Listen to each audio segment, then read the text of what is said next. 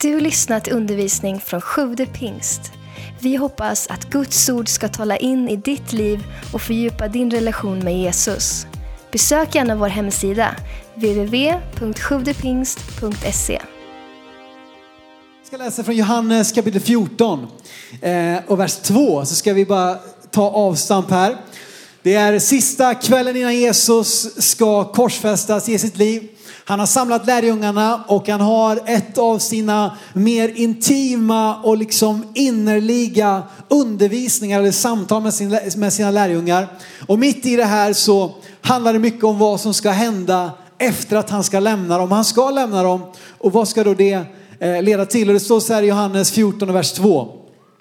Och om jag nu går bort och bereder plats för er så ska jag komma tillbaka och hämta er till mig för att ni ska vara där jag är. Jesus ska gå bort, han ska lämna dem men han ska också komma tillbaka. Och det är min rubrik idag, han kommer tillbaka. Eh, och det är det jag vill tala om och det är precis vad Kristi himmelsfärd har ett löfte om att Jesus ska komma tillbaka. Han har inte lämnat oss för gott. Eh, och eh, naturligtvis så har vi honom redan här och nu hos oss. Men han ska också komma tillbaka i fysisk gestalt eh, och, och eh, fullborda allt det som Bibeln talar om. Eh, och, och bana väg för en ny himmel, en ny jord, en ny början. Och eh, i samma andetag då som han talar om att han ska lämna sina lärjungar så lovar han också att jag ska komma tillbaka. Och det tycker jag är härligt. Jag vet inte hur många av er som har varit eh, klistrade framför tvn här sista veckan i alla finaler som pågår. Det är fullt med finaler överallt. Jag vet inte om du har tänkt på det. Det var hockeyfinal här. Har vi några, har vi några finnar? Inga halvfinnar eller någonting. Isak är nere, där har vi Linus. Han har vi Isak också nere i Kids, han är, han är halvfinsk eller något i den stilen. Eh, vi fick vara med och se eh, eh Finland vinna VM-guld i hockey. Och det var Europa League-final här. Chelsea-Arsenal. Det har varit Champions League-final igår. Har vi några Liverpool-fans då? Nej, det finns bara ett. Det finns, jag tänkte väl det, det är inte många som hejar på Liverpool, men i alla fall, de fick vinna till slut efter att ha inte vunnit på väldigt länge. Så när det var ett sånt motstånd, då kunde till och med de vinna. Fantastiskt bra jobbat. Och du vet att det är slutspel efter slutspel. Sävehof har avgjort eh, eh handbollen och de har vunnit. Eh, och det är ändå tur eftersom att de slog ut IFK Skövde. Så det är ändå skönt att veta att man förlorar mot vinnarna. Då kan man ändå liksom leva med en förlust kanske. Och det är NHL-slutspel och det är NBA-slutspel och det är fullt med, jag vet inte om, eh, liksom, det verkar inte finnas så mycket sportengagemang här i rummet, men det är i alla fall mycket sport eh, som pågår och det är härligt. Eh, och när det kommer då till det här med med sport och fotboll och hockey, allt vad det är, så är det få saker som engagerar så mycket. Eh, eh, ganska många människor i alla fall, även om eh, ingen har kommit hit till kyrkan idag. Så finns det människor som har ett intresse och engagemang kring sport. Formel 1, ja, det, det pågår ju också naturligtvis. Fullt med grejer. Eh, och inte minst engagerar det ju liksom vilket lag som ska vinna och vilket lag som är bäst, vilket lag man ska heja på. Och även nu då om, om och, eh, ja, vi tycker lite olika så kan det väl få vara okej okay att vi är överens om att inte vara överens om liksom vilket lag som ska vinna. Eh, vi hejar på lite olika lag och så länge alla hejar på Manchester United så är det helt okej. Okay. Men eh, det är helt okej okay att vi, vi tycker lite olika vilket lag man ska heja på, vilken sport som är mest intressant, vad vi tycker är liksom av intresse och så här. Men det finns också saker vi behöver vara överens om. Det finns saker vi måste liksom bara fastslå. Och för alla som älskar fotboll till exempel då, så måste vi vara överens om, okej, okay, det är bara målvakten som får ta med händerna. Det är domaren som bestämmer och det är den som gör flest mål som vinner. Ja men det är saker, det kan vi inte tumma på. Vi kan tycka att Liverpool är bättre, United är bättre. Men det finns saker vi behöver vara överens om. Och jag tänker att det är så också när det kommer till den kristna tron. Att det finns saker, det finns frågor som det är helt okej okay att vi tänker lite olika. Jag menar det finns en rad olika teologiska spörsmål att liksom djupdyka i Guds ord. Eh, och, och vi kan dra lite olika slutsatser, vi kan ha lite olika tolkningar, vi kan ha lite olika betoningar och det är helt okej. Okay. Jag tror att det, det, är liksom naturligt att vi tänker lite olika kring olika frågor, inte minst om man tittar på olika kyrkor och vi har en rad olika liksom samfund och kyrkofamiljer där vi tänker lite olika och jag tänker att det är inte så farligt att vi, att vi liksom inte är överens om varenda fråga. Men det finns också saker där vi måste vara överens. Där vi måste hålla oss till att det här är den kristna tron. Eh, och någonting som man har, som man har formulerat tillsammans eh, eh, som, som sammanfattar vad alla kristna är överens om oavsett om du kallar dig katolik eller ortodox, protestant eller evangelikal eller pingstvän eller karismatiker eller whatever. Så finns det en rad olika saker som det här måste vara i kärnan av den kristna tron. Och det brukar jag beskriva som det mest eh, vanliga sådana är ju den apostoliska trosbekännelsen. Där man har sammanfattat, det här är den kristna tron. Därför att såklart när det kommer olika liksom, tolkningar och man börjar tycka, nej men vi kan väl tycka så här och vi kan väl undervisa så här om Gud och vi kan väl tänka så här, nej men det här måste vi faktiskt hålla oss till, det här måste vi faktiskt vara överens om. Eh, och det delar vi tillsammans med alla kristna, det mest centrala i våran tro. Och det går igenom i huvudsak treenigheten, Fadern, Sonen och den Helige Ande och vad vi tror om de olika. Den längsta texten är om Jesus. Eh, för att inget annat har diskuterats så mycket om vem var han egentligen och var han bara Gud eller var han bara människa eller var han både och eller var han det samtidigt eller var han det liksom. Man har diskuterat och vänt och vritt och därför är den längsta texten i apostoliska trosbekännelsen om just Jesus. Och den sista strofen som kommer in där har just att göra med den här helgen som vi är inne i nu. Det står så här om Jesus då på slutet i den apostoliska trosbekännelsen. Att han är uppstigen till himlen. Sittande på allsmäktig Gud faders högra sida. Därifrån igenkommande till att döma levande och döda. En central del i den kristna tron, en central del i vem Jesus är och vad han har gjort och vad han ska göra. Och därför återigen, han kommer tillbaka. Det var väldigt härligt att vi firade nattvard i början idag där vi just fick påminna oss om detta. Vi har gjort det här, vi firar nattvard för att Jesus ska komma tillbaka. Och tills den dagen så ska vi fortsätta fira nattvard, fortsätta minnas, fortsätta tala om att han kommer tillbaka. He'll be back. Ja, man lockar sig här nu och, och drar lite referenser, men i alla fall när Arnold Schwarzenegger spelade Terminator och han säger I'll be back, då borde han i alla fall ha gett cred till att det var Jesus som sa det först. Att jag kommer tillbaka. He'll be back. Han kommer tillbaka. Och jag tänker lite grann att för mig så, liksom inför det här, kanske är det en av de delarna av Jesu liv och tjänst som vi pratar lite lite om, eller lite för lite om. Jag kan möta många som har varit kristna lite längre och är lite äldre och tala om att när vi var unga då pratade man hela tiden om att Jesus kommer tillbaka. Kanske att det liksom blev lite väl, jag vet inte, det, det är väl så där ibland. Ibland hamnar vi liksom i olika diken. Men jag uppfattar i alla fall idag att det här kanske är någonting som vi behöver tala lite mer om. Att Jesus han lyftes upp till himlen men han ska också komma tillbaka. Och faktum är att utan Kristi himmelsfärd så vore korset och uppståndelsen liksom inte riktigt färdig. Någon har beskrivit det som att det vore som att bygga ett hus utan att någon flyttar in i det. Eller det vore som att laga till en fantastisk måltid utan att någon fick äta den. Eh, det, liksom, det blir halvfärdigt, det blir inte fullbordat så att säga. Självklart, det var fullbordat när Jesus hängde på korset.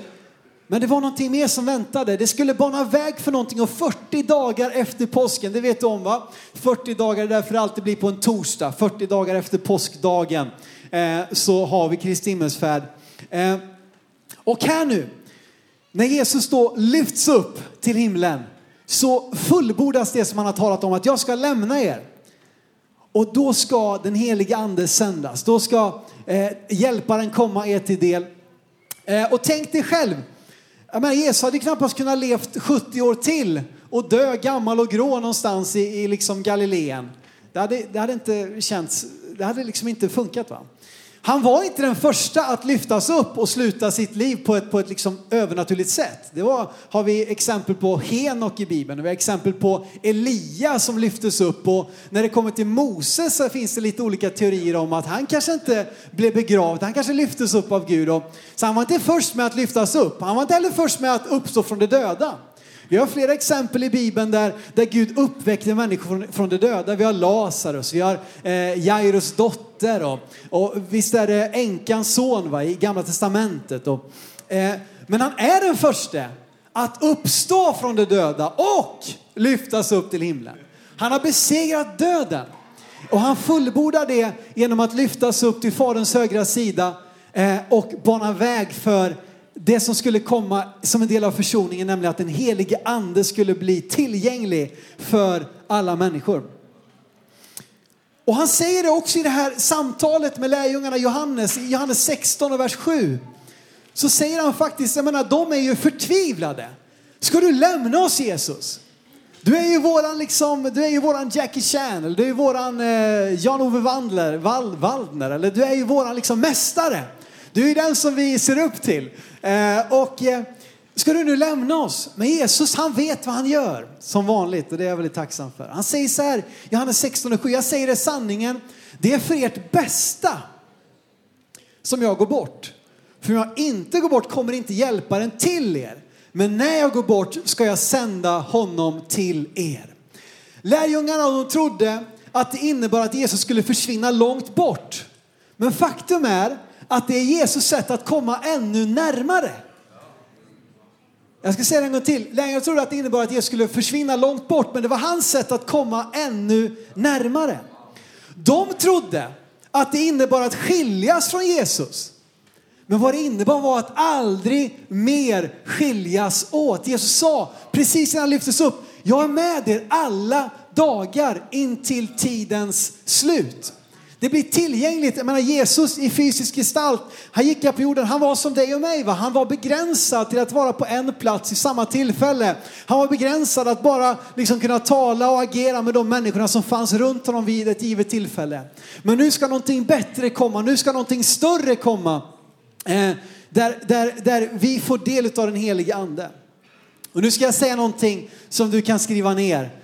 Så bara komma ihåg om den här dagen, om Kristi himmelfärd, att Jesus lämnande öppnar upp för andens sändande. Visst, wow! Det var rätt så snyggt va? Det, det är tweetable, det går att twittra. Det går att skriva på en t-shirt. Eh, Jesus lämnande öppnar upp för andens sändande. Att tack vare att Jesus lämnade så, blev det, eh, så liksom går nästa del i planen in att nämligen den helige ande sänds och blir tillgänglig för varje troende. Det är jättebra att du kommer till kyrkan och lyssnar på människor som försöker att förklara Guds ord och göra det förståeligt och, och liksom någonting du kan ta till dig. Men du måste inte längre gå igenom en viss person, en präst, en profet, en kung som det var i gamla testamentet som var liksom avskilda till att bli smorda av Guds eh, smörjelse. Utan nu blir det tillgängligt för alla människor.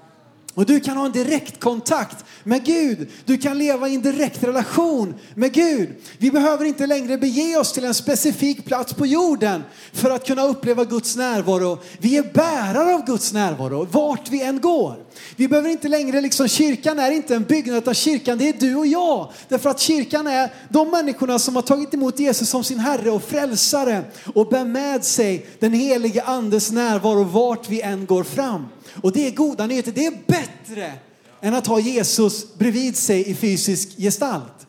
Det är bättre att vi alla som tar emot Jesus kan få uppleva att den helige ande flyttar in i oss och har den helige andes röst på insidan genom hela våra liv. Det är bättre. Det är bättre. Det är mycket, mycket bättre. Här så sker det som, som profeten har talat om. Det kommer något tillbaka, det kommer från, från himlen. Joel har talat om det, profeterna, att, att det ska ske, att den helige ande ska, ska bli tillgänglig för alla människor och nu sker det. Tack vare att Jesus lämnar så öppnar det upp för att den helige ande ska bli sänd. Och vi kommer till pingsten som är nästa helg. Återigen, våran kalender är uppbyggd kring Jesu liv och vad han har gjort. Jag älskar det. Och grejen är att han talar om det på samma sätt då som han lämnade ska han komma tillbaka. Apostlagärningarna 1 9 till 11. Det står här om eh, eh, inledningen då på apostlagärningarna, inledningen på den, den, den församlingen som, som växer fram här, som föds här på pingstdagen. Så innan det så är de med här då om Kristi himmelsfärd. Apostlagärningarna 1, 9-11. När Jesus hade sagt detta såg de hur han lyftes upp och ett moln tog honom ur deras åsyn. Medan de såg mot himlen dit han steg upp stod plötsligt två vita, män i vita kläder hos dem. De sa Galilea, varför står ni här och ser mot himlen?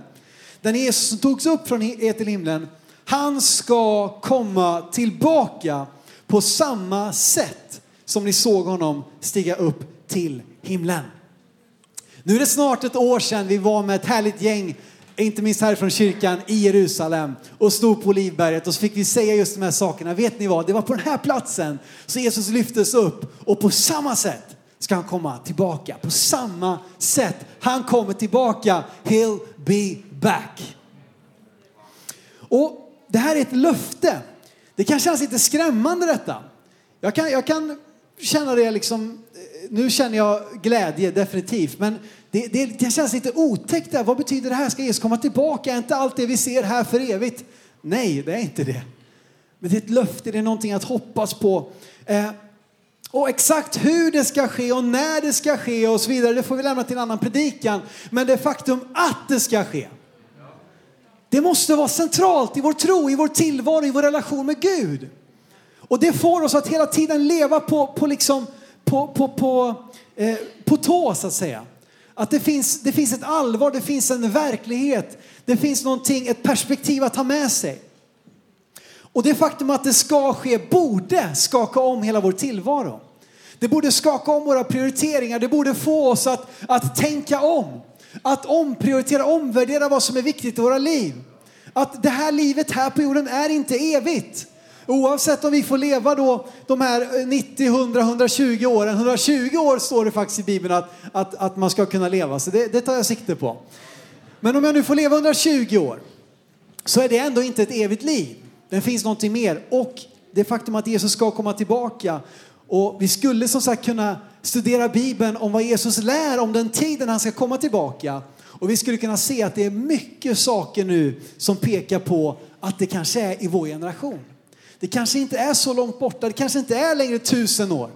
Genom alla tider har kristna levat med den här nerven ändå. Jesus kommer tillbaka. Han kommer tillbaka. Om han inte gör det nu så kommer han göra det sen. Men han kommer komma tillbaka och det får mig att leva ett liv av mening, av innehåll eh, med fokus på vad han vill göra. Fyra stycken viktiga perspektiv som du kan ta med dig och du kan ha, ha liksom utifrån detta med Kristi himmelsfärd. Fyra stycken ord ska du få och alla orden börjar på A. Bra va? Vi börjar med börja, så nästa predikan får det kanske bli fyra saker på B, jag vet inte. Idag är det fyra saker på A. Det är bara för att jag tycker så mycket om dig och att du ska kunna ta lite anteckningar och komma ihåg förhoppningsvis någonting från vad jag har sagt. Det första ordet är advokat. Advokat. Hebreerbrevet 7 Vers 25, det stod ju att Jesus lyftes upp och sattes på Faderns högra sida. Och där är han nu. Och då, vad gör han där nu då? Vad, vad håller han på med egentligen Jesus när han sitter där på Faderns högra sida? Vi ska läsa om det här i Hebreerbrevet 7 och vers 25. Därför kan han också helt och fullt frälsa de som kommer till Gud genom honom. Eftersom att han alltid lever för att be för dem. Jesus han lever för alltid. Varför då? För att be för dig. Är inte det fantastiskt? Vi har en advokat. Vi har en person, Guds egen son, som ber för dig och mig. Som är på våran sida, som vill att det ska gå oss väl, som ber för vår frälsning, som ber för vårt bevarande, som ber för våran framgång, som ber för vårt helande. Vi har en advokat som är på våran sida, som är, liksom träder upp i vårt ställe. Och där är han och ber och vet du vad, när Jesus ber, då händer det grejer. Jesus bön har makt. Han har mycket makt. Och det han säger, det kommer att ske. Och det står att han kan frälsa. Han kan helt och fullt frälsa de som kommer till Gud genom honom. Och där är vår lilla, lilla del, det är att vi ska komma till Gud. Det är det enda vi behöver göra. Gud, nu kommer jag till dig komma fram. Vi kom fram förut. Vi kom fram till Jesus själv och tog emot av hans kropp och blod. Vi får bara komma till honom och när vi gör det så kan han helt och fullt frälsa oss. Oavsett vad du bär med dig för misstag, misslyckanden, grejer är i ditt liv så kan han helt och fullt frälsa. Han är din advokat. Han talar gott för dig. Romarbrevet 8.34 säger att han vädjar för dig. Han vädjar för dig, han, liksom, han, han ber för dig, han talar gott för dig. Och vet du vad? Du har högt uppsatta vänner. Visst är det bra? Du vet det finns människor som, som kan komma kanske och flasha lite med att man har bra kontakter liksom i, i regeringen eller i, bland rika människor eller i, i fotbollsklubbar, whatever liksom. Du vet du vem jag känner? Och då kan du säga, ja, du, jag tror att min vän, han är lite mer högt uppsatt. Min vän, han sitter i himlen på Faderns högra sida. Och han, han har skapat himmel och jord och där sitter han och han talar gott för oss. Han kan helt och fullt frälsa och han är på min sida. Du har högt uppsatta vänner. Jesus själv. Advokat. Nästa ord är advent. Advent säger du? Vad har det med det här att göra? Det är liksom, det är typ ett halvår, ganska exakt faktiskt. Är det, ex, är det exakt? Har vi det? Förra gången så sa jag så här att jag, jag citerade någonting och så sa jag googla det. Jag hade fyra sms tror jag på min telefon innan, innan mötet var slut med folk som sa det betyder det här, det var han som skrev det här och det var han som gjorde det. Är det första advent, andra december? Har vi någon? Någon tar reda på det? Det borde vara det. Första december, aj, aj, aj, ja, det är okej, vi är lite, vi är lite före. Advent. Vad advent betyder det är ju ankomst ankomst. Och då firar vi väldigt mycket Jesu första ankomst, men han kommer också komma en andra gång och det är det som Kristi himmelsfärd just pekar mot. Jag ska komma tillbaka. Det var inte bara som en litet, litet barn, jag föddes där i krubban i Betlehem, utan jag ska komma tillbaka och sätta mina fötter på Olivberget. Inte denna gången som ett lamm, utan som ett lejon. Som en kung ska jag komma tillbaka. Advent. Det står så här, första Korinthierbrevet 4, vers 4-5. Paulus säger så här. Jag har inget på mitt samvete. Vad skönt alltså. Grattis Paulus, inget på ditt samvete. Men det betyder inte att jag är frikänd, det är Herren som dömer mig. Fäll därför ingen dom i förtid innan Herren kommer. Han ska kasta ljus över det som är dolt i mörkret och avslöja alla hjärtans avsikter. Och då ska var och en få sitt beröm av Gud. Har du någon gång stått längst upp på en brant slalombacke? Kanske 75 man i Trysil, det är 44 graders lutning, eller väggen i, i, eh, i eh, vad heter det, i Sälen, i, i vilken, ja, Hundfjället. Där har vi väggen, 40, kanske 44-45 grader rakt ner. Har du stått där uppe någon gång på darriga ben med hyrskidor som du inte riktigt litar på och så hört någon säga, ja, ner kommer man alltid. Jo, tack så mycket. Men lika säkert som att du kommer komma ner, oavsett om det är på liksom hela ben eller brutna ben, så är det lika säkert att Jesus kommer komma tillbaka. Um, och han kommer här nu för att döma levande och döda, står Han kommer för att, för att avslöja hjärtats avsikter. Han kommer här för att, så att säga, ge oss det våra hjärtan har varit fulla av. Det våra hjärtan har varit inriktade på. Det finns ett allvar här. Han kom första gången som Guds lam för att ta bort världens synd. Men han kommer andra gången och liksom för att då döma. Men den första ankomsten innebar ju att han skulle, alltså att vi skulle kunna gå rena, att vi skulle kunna gå fria i den andra domen. Att vi inte behöver frukta den dagen Jesus kommer utan vi kan se fram emot den. Därför att vi har tagit emot Jesu förlåtelse, frälsning, försoning och därför kan vi gå emot liksom den här domen med, med rak rygg, med, med höjt huvud. Men det finns ett allvar. Det finns en konsekvens av våra liv. Det finns ett himmel, det finns en helvete, ett helvete. Och jag säger det med ett styng i hjärtat. D.L. Moody, en, en känd väckelsepredikant, han har sagt det att Ingen predikant borde kunna tala om helvetet utan tårar i ögonen. Och jag tycker det, det ligger så mycket i det.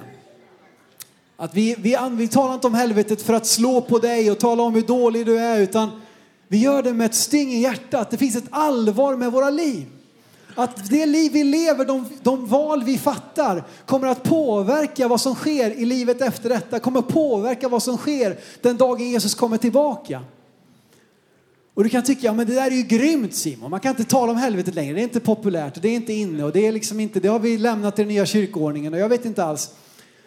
Men om det finns ett helvete, vilket Bibeln är ganska tydlig med, så är det ju ännu värre att inte tala om det. Men det finns ett allvar här. Men det finns också en väg att du inte behöver frukta den dagen. Utan du kan längta efter den dagen. Därför att du har tagit emot Jesus som Guds lam i ditt liv. Och då kan du också stå fri, stå rak, stå med glädje på den dagen han kommer för att döma. Våra liv har, får en konsekvens. Och det faktum att Jesus kommer tillbaka, du kan tycka att det låter som science fiction. Liksom, vad är det här? Vad är det för konstigt? Liksom? Jag trodde att man kom till kyrkan för att bli uppmuntrad och höra att du kan klara en vecka till och du är bra, och du är fin och du älskar du är värdefull. Allt det stämmer. Men det finns också ett allvar. Och Jesus ska komma tillbaka. Och du vet att första gången Jesus kom, då var det också många som ifrågasatte om han skulle göra det eller inte. Men vet du vad? Han kom. Du kan titta i din kalender än en gång, det kallas jul. Han kom första gången även om många ifrågasatte det.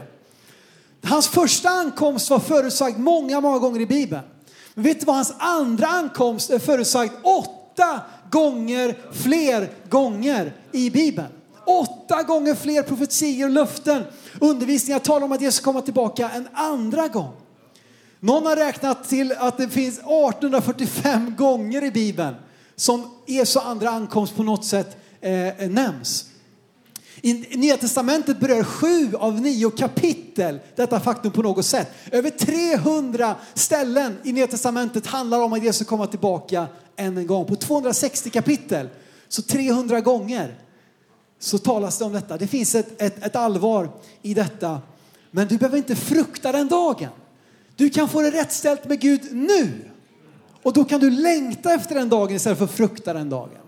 Men det finns ett allvar, det finns en verklighet, det finns en, en advent, det finns en ankomst. Och jag kan bara säga det liksom. Jesus Christ coming soon to a world near you. Så är det. Mitt tredje ord på A är ansvar. Ansvar. Vi ska läsa vad som, vad som sades innan Jesus lyftes upp eh, där i Apostlagärningarna 1. Apostlagärningarna 1, 6-8. Det står så här, när de var samlade frågade lärjungarna Jesus, Herre, är tiden nu inne då du ska återupprätta riket åt Israel? Han svarade dem, det är inte er sak att veta vilka tider eller stunder som Fadern i sin makt har bestämt. Men vad är däremot ert ansvar? Jo, när den helige ande kommer över er, då ska ni få kraft att bli mina vittnen i Jerusalem, i Judeen, i Samarien och ända till jordens yttersta gräns. Det är inte vår uppgift först och främst att spekulera i när kommer det att ske? Och kommer det vara på en torsdag, kommer det vara på en måndag, kommer det vara på hösten, kommer det vara på våren, kommer det komma liksom då, är det, är det snart? Och är det igår? Och så vidare. Det är inte det som är huvudpoängen här. Huvudpoängen står sen, men när den helige ande kommer över er, då ska ni få kraft att bli mina vittnen. Så att vi har ett ansvar, vi får bli del av Guds frälsningsplan. Att han, det finns någonting som kommer ske mellan då och sen. Mellan det här tillfället och det, den dagen Jesus kommer tillbaka, där finns det någonting av att vi behöver den helige Andes hjälp för att bli vittnen i hela världen. Det finns ett uppdrag som stavas gå därför ut till alla folk till lärjungar. Och det är vi en del utav. Varje människa säger sitt ja till Jesus, jag tror på dig, jag vill ta emot dig. För också bli en del av hans frälsningsplan. För också bli en del av hans mission, av hans uppdrag. Att berätta för en till människa en till människa, en till människa. Att Jesus älskar dem, att Jesus är sitt liv för dem. Att det finns ett hopp som väntar. Att vi inte behöver vara rädda för vad som ska ske efter det här livet, utan vi kan gå in i döden med, med glädje. Det finns glädje bortom graven, sjunger vi i sången. Och en framtid full av sång. Det finns ett allvar här och han vill att du och jag ska vara med. Allt som du och jag gör som Jesu efterföljare blir en del av hans frälsningsplan. Det liv vi lever, de ord vi använder, de handlingar vi gör. Hjälper det människor att komma närmare Jesus eller skrämmer det snarare bort dem? Allting spelar roll. Hur du är på din arbetsplats, hur du är på din skola, hur du beter dig mot dina lärare. Jag önskar att någon hade sagt det till mig när jag gick i skolan. Men allting det vi gör spelar roll. För att det blir ett vittnesbörd om den Gud vi tillhör. Och om ditt liv är någonting som andra ser upp till, då kommer det också bli, liksom, då kommer dina ord väga tyngre och det kommer att göra skillnad när du talar in i människors liv eh, och berättar om vem Jesus är. Jesus sa, han sa det att låt barnen komma till mig och hindra dem inte. Lärjungarna stoppade barnen från att komma till Jesus. Vet du vad, det gäller inte bara barn. Det gäller alla människor. Låt alla människor komma till mig och hindra dem inte. Och du och jag i de liv vi lever som kyrka och whatever, är det någonting som blir som en barriär för människor att komma till Jesus? Eller är det faktiskt så att det är tvärtom? Här, det är öppna dörrar, det är en motorväg, det är rak väg, det är upplyst, det är upptänt, det är liksom förberett. Gången är krattad, allting pekar fram till att komma till ett möte med Jesus själv. Eller lever vi liv som, som, som blir exklusiva, som blir liksom begränsande, som, som stänger människor som gör att nej, där, de vill jag inte ha någonting med att göra och nej, de verkar konstiga och de talar så illa om andra människor och, och det verkar vara som, du vet, lever vi liv som bidrar till att människor kommer närmare Jesus eller tvärtom hindrar dem? Där har vi ett ansvar att få leva liv som speglar Jesus genom hela våra liv. När lärjungarna har bevittnat att Jesus lyfts upp till himlen, vad leder det till? Två saker. Att de börjar prisa Gud och de börjar vittna om honom. Två saker som summerar meningen med ditt och mitt liv som Jesu efterföljare. Att ära Gud och att berätta om honom. Där har du hela ditt liv. Här är ditt liv. Vad är det för någonting? Är det något program eller någonting? Här är, här är ditt liv. På 80-talet. Det är bra att det finns lite äldre kvar här som har koll på det här. Eh, Ära Gud, berätta om honom. Ära Gud, berätta om honom. Tillbe Gud, berätta om honom. Det är syftet med vår tillvaro mellan då och sen. Det sista ordet är lite krystat, men det håller ändå. På det sista A du får, det är avlöning. Avlöning. Det kommer en avlöning, det väntar en lön. Man kanske skulle vilja ha belöning, men det finns ett ord som är avlöning också. Eh, och det är någonting som är underbart. Uppenbarelseboken 22.12, Jesus säger se, jag kommer snart. Och jag har med min lön med mig för att ge åt var och en efter hans gärningar. Jesu återkomst bär med sig välsignelser. Jesu återkomst bär med sig belöning, avlöning som förbereds för människor som gett sina liv för att ära honom. Det finns en lön som väntar eh, när vi viger våra liv, att vi samlar oss skatter i himlen och inte på den här jorden genom att leva liv som ärar Gud, som tjänar honom, som, som ser till de minsta i den här världen. Och det är liv som Gud vill belöna. Och blanda nu inte ihop det här med frälsningen, det är väldigt viktigt att bara säga det.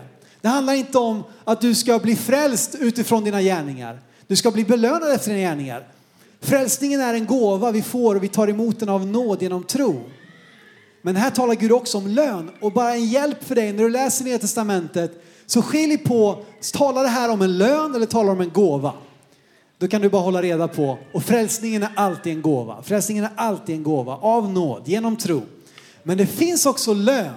Det finns också belöningar som Gud vill ge. Han vill berömma oss läste vi förut i första Korinthierbrevet 4. Han vill belöna oss. Han, vi måste tro att han är till och löna dem som söker honom, står det i Hebreerbrevet 11 och 6. Gud vill belöna, han vill avlöna, han vill välsigna. Och det är underbart att det finns ett liv där vi kan leva, ge våra liv åt Jesus och det kommer en avkastning. Det kommer någonting som är mer värt än allt du kan tjäna ihop på den här jorden. Nämligen att få ta del av Guds välsignelse. Han kommer snart och han har sin lön med sig som han vill ge var och en efter hans gärningar. Samma Jesus. Samma Jesus. Samma Jesus som lyftes upp ska komma tillbaka. Samma Jesus. Samma Jesus. Det är ingen annan Jesus. Det är inte, vi behöver inte vara oroliga, vi behöver inte vara osäkra. Det är samma Jesus. Samma Jesus du har lärt känna genom hans ord.